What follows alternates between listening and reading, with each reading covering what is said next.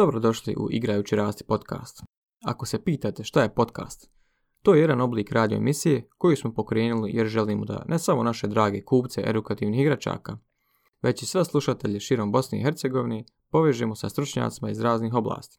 Istraživat ćemo mnoge teme vezane za razvoj i odgajanje djeci, roditeljstvo, obrazovanje u preškolskim i školskim godinama. Vjerujemo da u Bosni i Hercegovini ima sposobnih, inovativnih i vrijednih ljudi koje vi trebate i želite da čujete čekate da čujete njihov glas, da absorbirate znanje koje dijeli, da čujete preporuke i savjete. I to ćete upravo čuti na ovom podcastu. Ukoliko imate pitanja, pošaljite nam svoja pitanja i komentare sa hashtagom hashtag u podcast i odgovorit ćemo u nekoj od narednih emisija. Također pišite nam koga biste vi željeli čuti kao gosta u našoj emisiji. Igrajući rasti podcast je uvijek online. Čak i kada propustite emitovanje jedne epizode, uvijek možete ponovo poslušati na igrajućirast.ba i na našoj Facebook stranici. Podcast je zvučnog formata, tako da možete slušati i dok obavljate svoje svakodnevne poslove.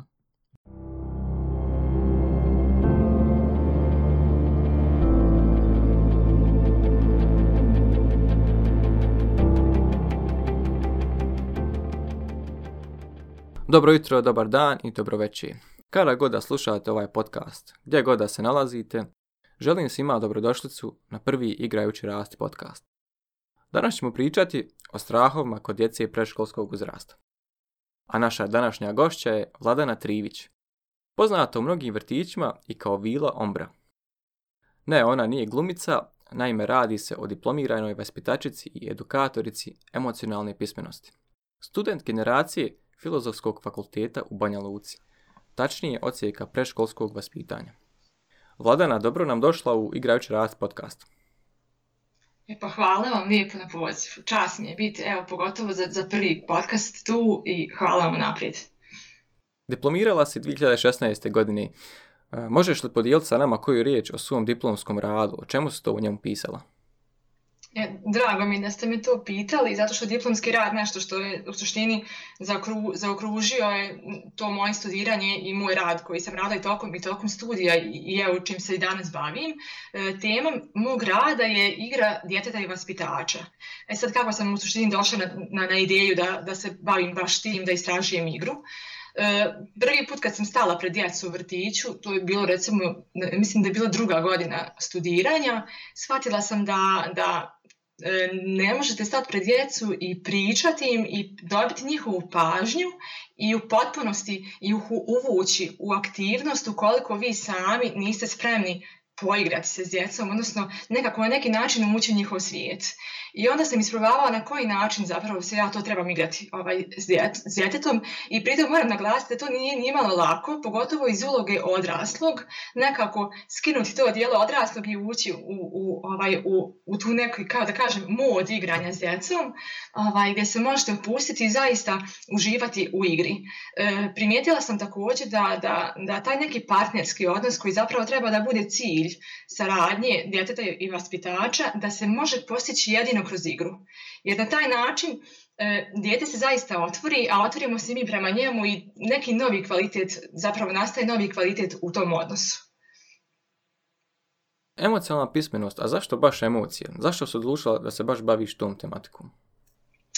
E, evo, za, zato što su, e, ako mene pitate, emocije su kliza Recimo, e, ne samo u radu s djecom, nego, nego i sa odraslim. Da bi se radilo na sebi, ovaj čovjek je da bi u suštini napred, napred i razvio se, najprije krijeći od emocija, a to je tekako škakljiva tema. Jer smo mi društvo u kojem se često dešava da, da vas pitanjem nesvjesno djeci prenosimo neke vrste zabrana, pogotovo na određene emocije. Poznato je recimo da e, dječaci ne trebaju biti tužni, ali ne trebaju plakati jer su oni dječaci, da trebaju uvijek da budu jaki. A dok kod, djevojčica kod djevojčica najčešće prenosimo te zabrane na ljutnju i možete često da čujete izjave kao nemoj da se ljutiš, ružna si kad si, kad si, kad ljuta ili nisi ti dječak da tako iskazuješ svoju ljutnju ili slično. I tako nastaju zapravo ti spolni, e, ti polni stereotipi o tome šta je e, e, primjereno da mi osjećamo. A kada je riječ o, emocijama, nema tu primjerenog i neprimjerenog. Zapravo svaka emocija ima svoju ulogu i tu je da naš mentalni sklop podržava u jednoj ravnoteži. Zabranom ili potiskivanjem nekih od emocija javljaju se ti rani vidovi psiholoških problema. Upravo zbog tog e, se ovaj, sam odabrala baš da se bavim tim, odnosno realizacijom ovog ciklusa predstava, jer je veliki izazov raditi na iskorjenjivanju zabrana koje sežu zapravo, zapravo stotinama godina unazad i one su na neki način generacijski prenosile. Da li si imala priliku da primjenjuješ ovo u praksi iz diplomskog rada i da stičeš radna iskustva za vrijeme ili za po, poslije studija? Pa da, za vrijeme fakulteta, odnosno za vrijeme studiranja smo imali tu praksu i ja sam već tad počela da izvodim te predstave, odnosno eh, počela sam da pišem terapijske bajke, pošto smo mi na fakultetu imali više predmeta koji se bave baš, tim, tako da sam se okušala pisanjem bajki i kao autor tih bajki nakadno sam eh, pisala znači, te dramske tekstove koji pokrivaju ovaj, tu bajku i prilagođeni su za, za određene uzraz djeteta. Tako da sam imala priliku i tokom studiranja, a i nakon znači, završetka. E, pozvana sam e, u vrtić Lepa Radić u Gradišci gdje sam imala priliku da vodim svoju grupicu. To je bila moja, moja prva grupica i sama sam rada sa njima. Ovaj, I upravo, upravo sa njima, to je bila pripremna grupa za školu, to su bili šestogodišnjaci i ovaj, igrala sam i svoje prijedstave. i neke lutkarske predstave sam radila i zapravo sam vidjela koliko e, je primjenjivo to što ja radim, koliko su djeca zaista zainteresovana da učestvuju. E, nakon toga sam e, dobila ponudu da radim u dnevnom centru Gnjezdo Gradiška, i tamo sam bila neke tri godine i s tim da ne mogu reći da sam radila baš u struci, jer u dnevnom centri su nam dolazili djeca od 6 do 15 godina. Tako da je to bilo jedno novo iskustvo za mene da od jednom tih, iz tih malih, malih problema da se bavim problemima velikih, odnosno adolescenata, ali evo, nakon tri godine mogu reći da sam zadovoljna i s tim i da, da je to jedno bitno, bitno iskustvo za mene u životu. Odnedavno si postala i članica udruženja Novi dan, Eh, i s njima spremaš ciklus prijestava za djecu. kakvim se prijestavama radi? Eh, da, odnedavno eh, od nedavno sam u Novi dan, zapravo kako je počela ta radnja?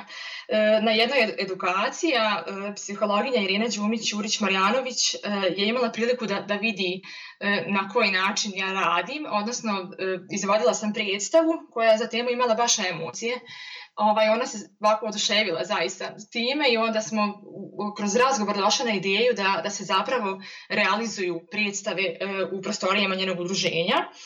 Ovaj, e, on, kad je to predložila, nisam puno razmišljala, jer to je jednostavno ostvarenje mog sna da dobijem prostor i da, da, da uradim ono čime se bavim već godinama i što je u suštini bila ideja, ali nije bilo toliko konkretno da, da, da odmah krenem u realizaciju.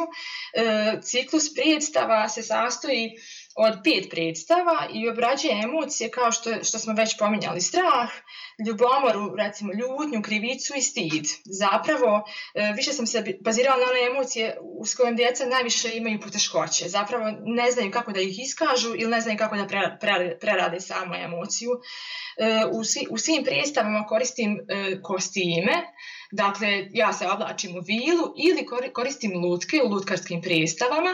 Osim toga, e, odlučila sam se da, koristim e, orfov instrumentari koji je sačinjen od udarajki i gitaru, tako da djeca i sama ovaj, e, dobiju priliku da sviraju instrumente, recimo kad je evo, tema ljutnja, pa kad smo ljuti kako to zvuči, pa napravimo neku strašnu buku, da u suštini predstavimo to, to iz glave djeteta, kako izara ta strašna ljutnja ili kako izara strah, da li se strah zapravo može odsvirati. Tako da ne radimo samo, samo te emocije, nego pokušavamo da, da uđemo malo dublje u tematiku. I prva predstava je o, o koja odnosi strahove a, možeš nam reći nešto više o toj prvoj prijestavi konkretno?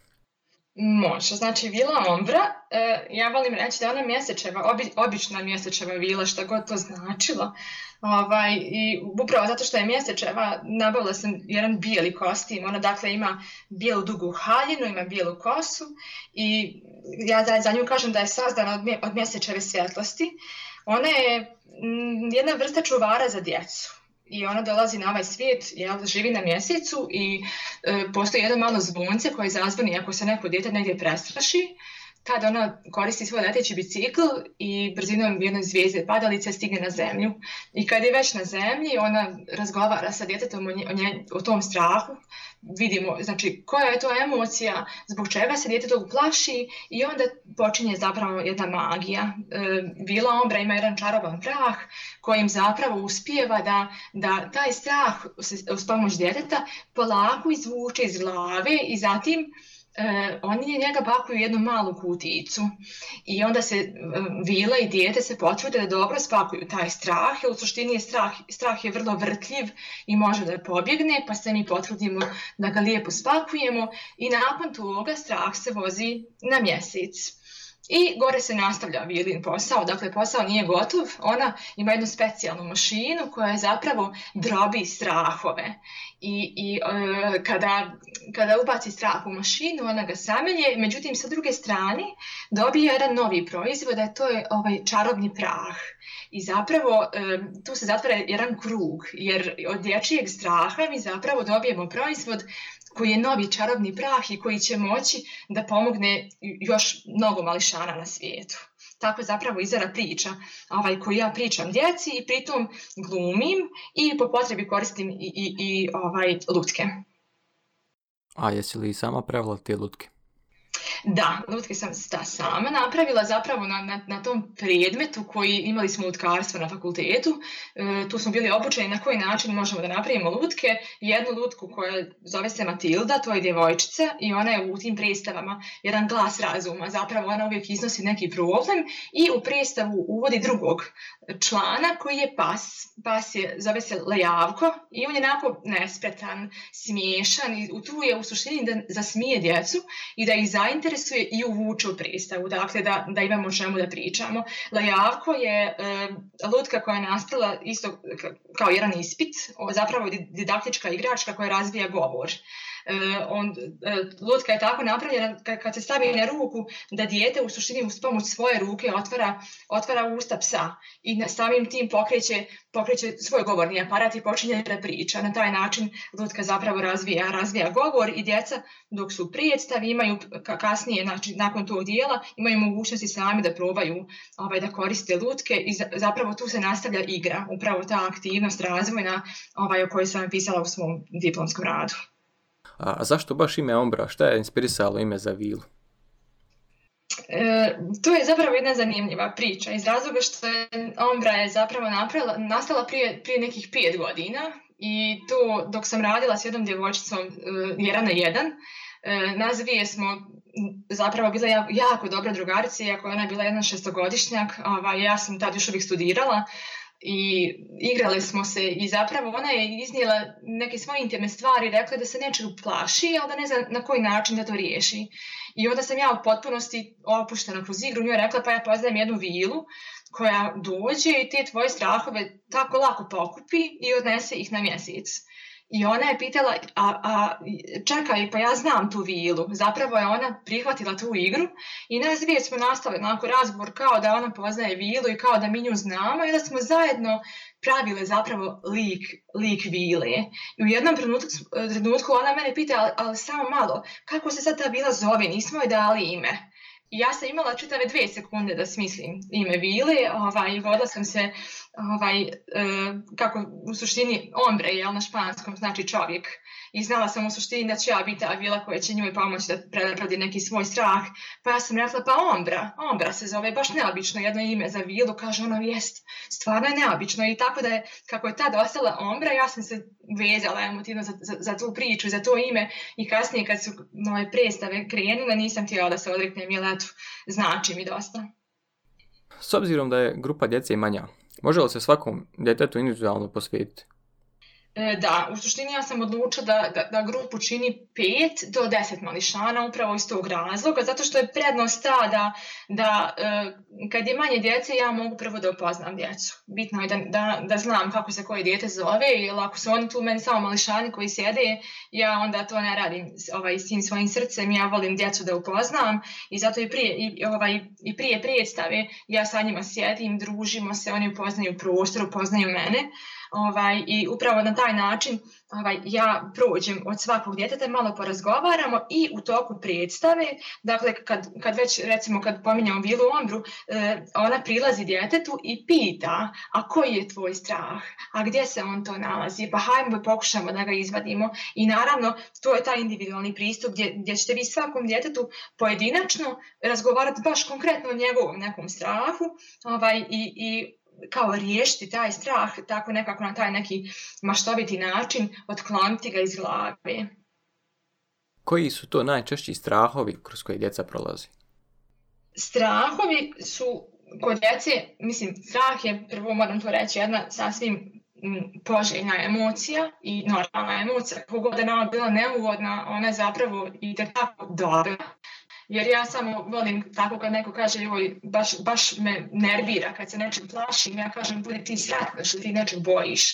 E, recimo da, da ne jedan pećinski čovjek nije se plašio lava ili bilo koje druge tamo predatorske životinje i mi vjerovatno danas ne bi postojali.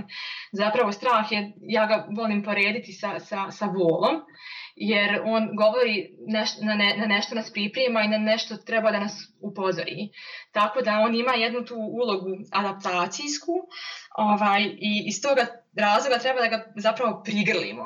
Ovaj, a kad je riječ o strahovima kod djece, imamo te razvojne strahove i, i, mislim da je to jako bitno da, da naglasimo da u suštini roditelj i vaspitač i svako ko se bavi s djecom, da treba da, da ima uvid u to na koji način ti strahovi, kad se koji strah javlja, u kom, u kom periodu i kako se on zapravo manifestuje. Pa taj prvi strah koji se javlja kod djece je, strah od taj separacioni strah, odnosno to je strah od razvajanja gdje dijete, ovaj, ako ga napuše taj objekat za, koji je on najviše vezan, to može biti otac, majka, ali može biti neka druga osoba, da on zapravo osjeća strah da se ta osoba neće vratiti jer on tad u tom e, trenutku zapravo e, već poima da je on odvojena osoba od drugih, zapravo tu se već razvija ta individualnost i da ta osoba ako ode može zapravo nikada se ne vrati.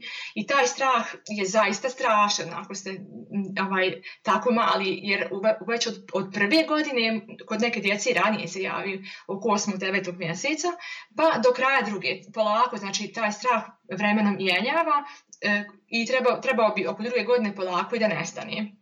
Nakon tog straha, oko druge i treće godine, javlja se strah od životinja i tu recimo imamo e, pojavu da dijete ako naiđe pas ili ne znam nijako ako šta pruža ruke gore i hoće da odi što dalje od životinje, zapravo on se boji e, reakcije životinje, da li može da ga ugrize, ubode ili slično, ali je već naučio da bol nije ugodna i da, da nešto nepoznato, nešto što on nije istražio ranije, može da, da mu našteti.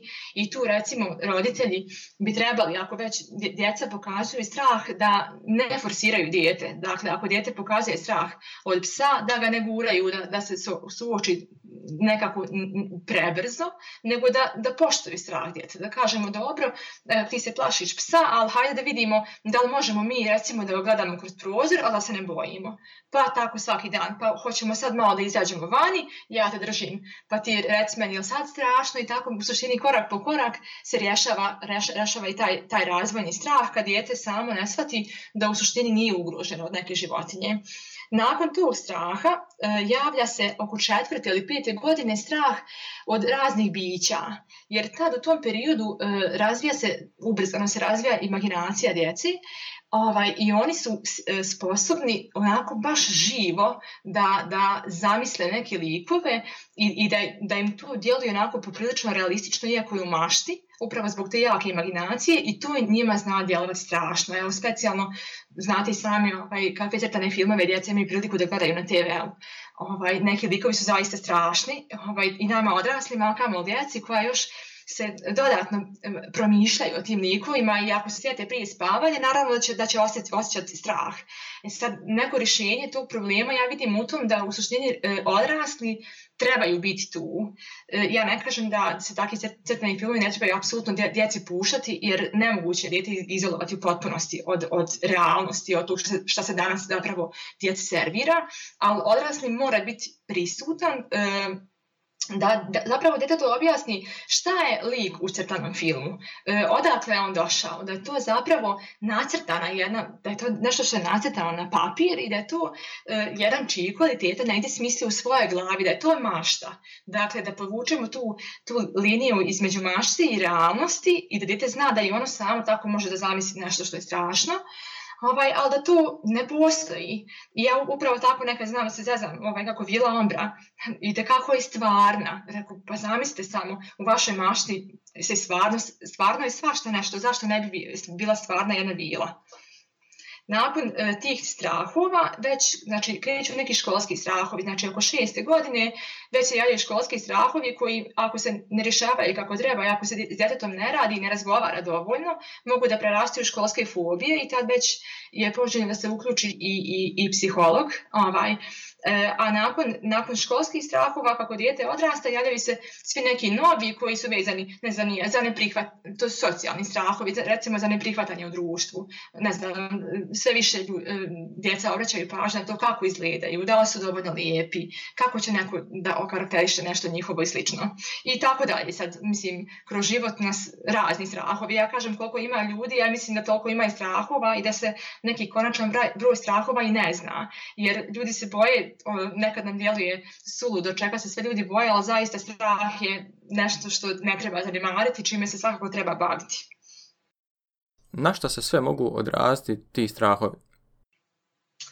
Pa znate kako, ja bi prvo rekao na kvalitetu života. Iz razloga ako, mm, imamo neke strahove koji su normalni, da, se tu, da su tu, međutim s vremenom se ne otkloni i, i dijete ostane znači, zarobljeno u tom strahu i koji čak može prerasti neki neurotski strah, a, ovaj, to će svakako da utiče, da utiče na kvalitetu života. Jer ako se neko plaši izaći van ne znam, pokušati nešto novo, to može utjecati na njegov razvoj kao broj jedan, da on neće, neće neće moći da se razviju u potpunosti kao, kao neko dijete koje se ne plaši da proba nešto novo.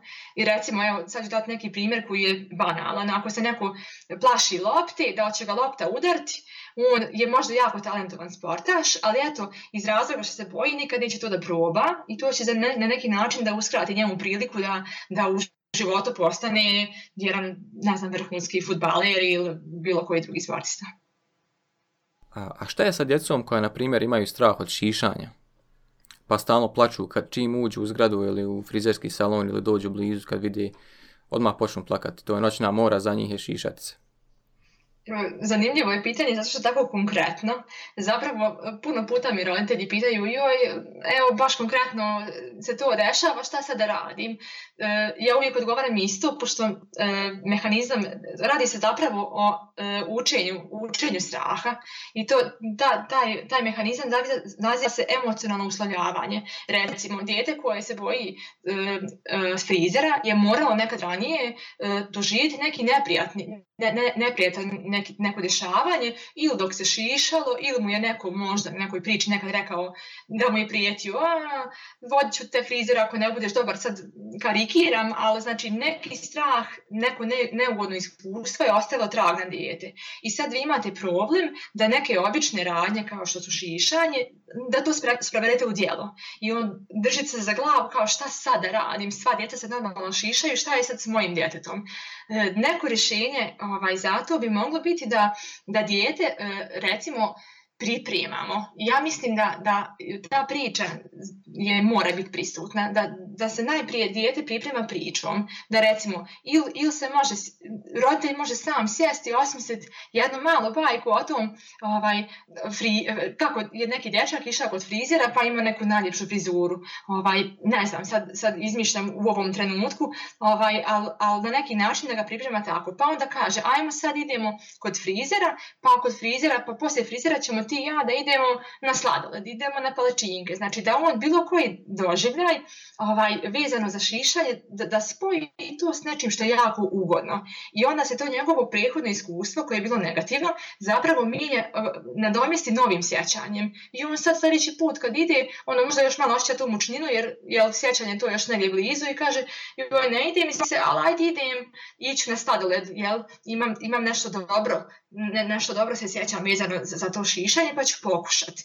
Pa sljedeći put ima još manje straha i svaki naredni put zapravo mu je lakše. Na taj način e, opet imamo to emocionalno uslovljavanje. Dijete uči zapravo da, da neka nova situacija je prijatna za njega i on će svaki put opet rado otići tamo. Ko što recimo kad ide dijete ne znam u igraonicu i bude mu jako lijepo u igraonici, on će stareći put neće nešto misliti. Znači dijete ide tamo, zna tamo se igram, tamo su moji drugari i ide. Ali recimo da se nešto tamo ružno dogodilo, da ga neko tad negdje tamo udario ili da je bio neki problem, on bi već pokazivao neki otpor. Isto tako, znači opet ćemo primjenjivati tu tehniku da kažemo pa ajde idemo, bit ćemo samo kratko ili tako nešto. Znači ne treba odustati od toga, dići ruke ili u slučaju opet kažem da, da se ne snalazi, da ne znate na koji način to izvesti, opet jedan, jedan dobar psiholog vam može ovaj, to pojednostaviti, tačno vam po koracima reći šta u kom trenutku treba djetetom raditi da bi on, da bi on prevazišao jedan takav strah. Je li ok to što roditelji manipulišu strahovima djece u neku svrhu? Kao na primjer, ako ne pojedeš ovo, doći će policija pa će te odvesti baba roga, vuk ili slično.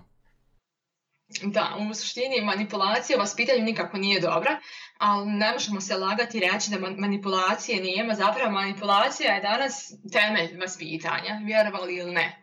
Dakle, često ste mogli sami čuti, ajde uradi to pa će ja te vodim. Recimo manipulacija, koristim manipulaciju u prethodnom ovaj, slučaju koji sam navela.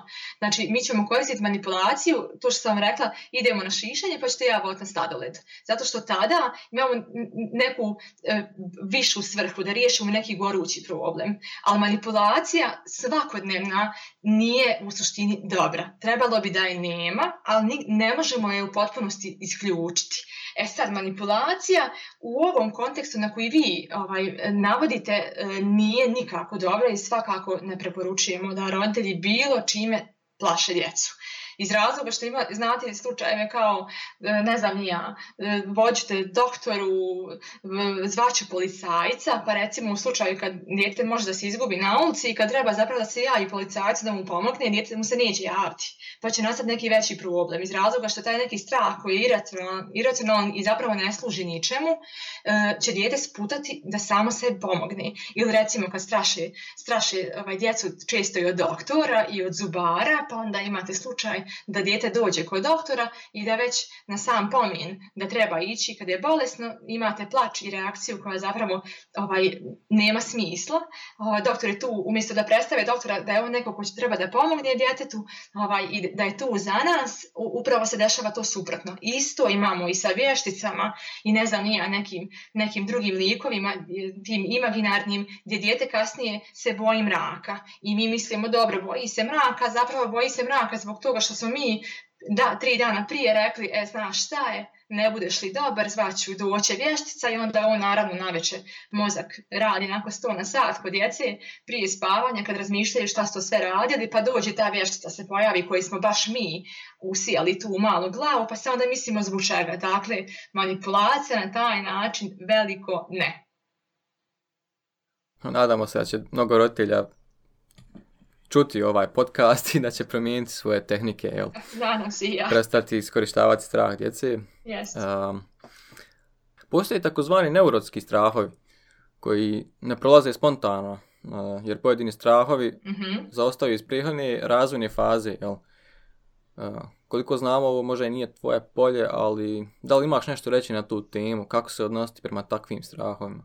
Da, neurotski strahovi, to ste dobro rekli, zapravo nastaju kad se strah na vrijeme ne riješi a u suštini e, ne rješava se u onim slučajevima kad imamo e, slučaj da, da porodična atmosfera nije, nije onakva kakva zapravo treba da bude i kad e, neko od roditelja ili staratelja djeteta zapravo svoje neko nervozno ponašanje prenosi na dijete. Ako je roditelj uplašen i ako njegova reakcija na, na svaku, svaku akciju djeteta je joj nemoj, joj pašćeš, joj, pa ako se djete boji još nečeg pritom, a roditelj na neki neadekvatan način hrani zapravo taj strah, dešava se da taj strah u, u dječjoj glavi raste i on zapravo s vremenom preraste u neuro, neurotski strah i tad već ovaj, E, treba da se potraži pomoć psihologa koji će na, e, kroz terapiju i razgovor s djetetom zapravo da, da djetetu e, na neki način dokaže da taj strah E, u suštini damo alat kako da se riješi straha. I mislim, e, bitno je da se taj strah ne pocijenjuje, jer strah je onom koga osjeća zaista strašan. I ne možemo reći, joj, suludo je da se tog bojiš ili nešto, nego kažemo, ok, tog se bojiš, ali da vidimo na koji način ti možeš da funkcionišeš dalje i da, i da ideš dalje u svom životu, da, da, da, da taj strah zapravo ne bude prepreka za neka nova iskustva. Na koji način roditelj može primijetiti da nešto nije u redu, da je neka emocionalna reakcija tu? E, zapravo sam ponavljanjem nekog ponašanja koje, koje je neprihvatljivo. Recimo imate, ne znam, nije ljutnja koja je neprihvatljiva se manifestuje na način da dijete, to ste znali vjerovatno čuti puno puta, da se dijete baci u supermarkete, da vrišti pola sata, da roditelj ne zna na koji način da, da smiri svoje dijete. Ovaj, I kad se, ako se tako ponašanje više puta ponavlja, to je neki pokazatelj da dijete ovaj, emociju ljutnju ne iskazuje na, na, na adekvatan način. I da je tu već vrijeme da se, da se potraži pomoć. Tako recimo sa strahovima, ako djete strahuje već dugo i ako taj neki strah koji je, koji je prirodan i koji treba da prođe s nekim uzrastom još uvijek ne prestaje. I mislim, jasno je da, da se i u tom slučaju trebalo je potražiti pomoć stručnjaka. Da, jako dobar primjer ovo za supermarkete. Mislim da smo to svi jednom u životu doživjeli, yes. da smo vidjeli dijete u, na sred supermarketa kako leži i plaće i deri se.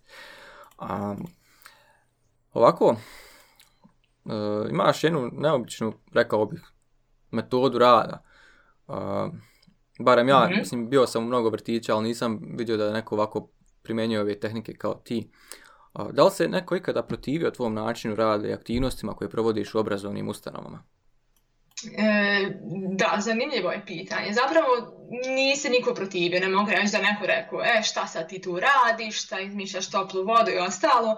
Uglavnom su e, svi koji su bili prisutni, a i drugi vaspitači su ovaj, gledali te predstave, uglavnom su bili oduševljeni i onako ovaj, bili su spremni da, da, da pokažu oduševljenje, da kažu ovaj, da, da je tu nešto što je novo i da i oni sami kažu vaspitač, da bi bio dobar vaspitač mora biti jako talentovan jer ako imaš talente uh, onda je lakše raditi s djecom. Ja recimo, ne znam, uh, to što sviram gitaru mi super pomaže jer kad dođem u, grupu koja me ne zna i može i biti 30, ja ako zasviram gitaru ja ću u 5 minuta da dobijem pažnju sve jednog djeteta jer jednostavno uh, svaki takav talent je veliki plus i ovaj, moje kolege su, sa kojima sam do sad sarađivala su uglavnom e, pohvalili uopšte e, inicijativu da, da pokrenem nešto novo i, i uopšte trud da se proguram i da, i da, da se bavim tim što se, ne, nečim zapravo novim na našim prostorima, ja tako da kažem. Da se vratimo na predstavu o Vili koja odnosi strahove. Hoće li, biti, hoće roditelji biti prisutni na predstavi i da li se ulaz ulazi? Ako da, kolika je cijena? E, dakle, na predstavu, e, ja sam odlučila da roditelji ne budu prisutni samo iz jednog razloga, zato što kad dijete, kad je roditelj tu, e, je drugačije se ponaša u odnosu na to kad je roditelj odsutan.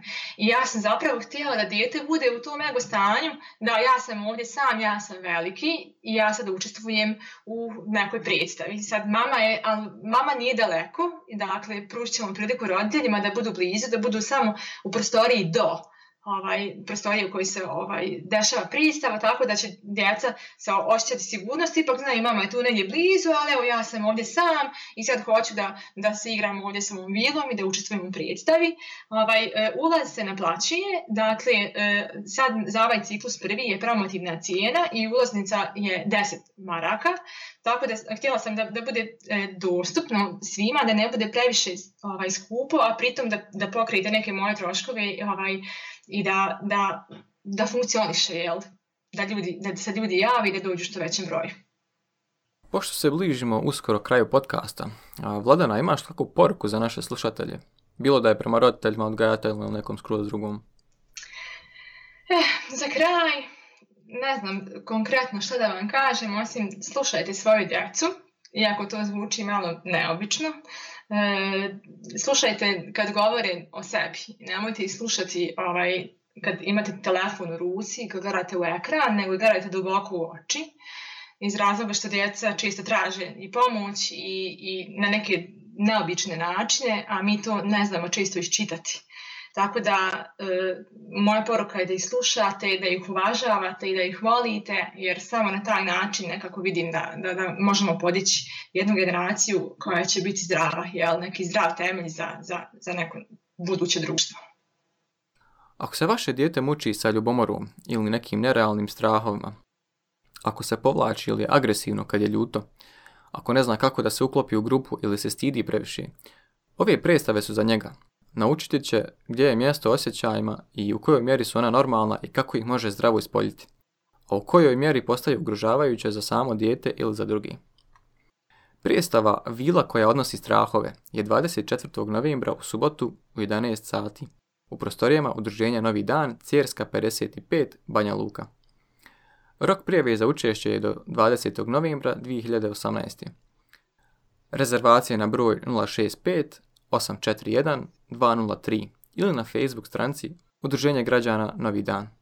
Više o tome na linku u opisu ove objavi. I za kraj, hoćemo li Vilu Ombru vidjeti na turneji u drugim gradovima Bosne i Hercegovine?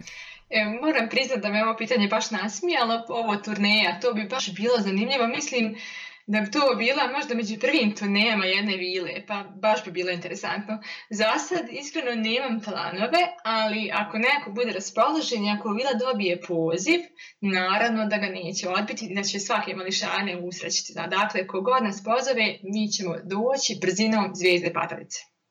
Vladena, eh, hvala ti na gostovanju u našem podcastu. Nadamo se da ćemo te opet čuti ovdje u jednoj narednih emisija. Želimo ti puno uspjeha sa predstavama, i da se pojaviš na turneji naravno. E, hvala vama na pozivu, nadam se također svemu što ste rekli. Hvala još jednom od srca.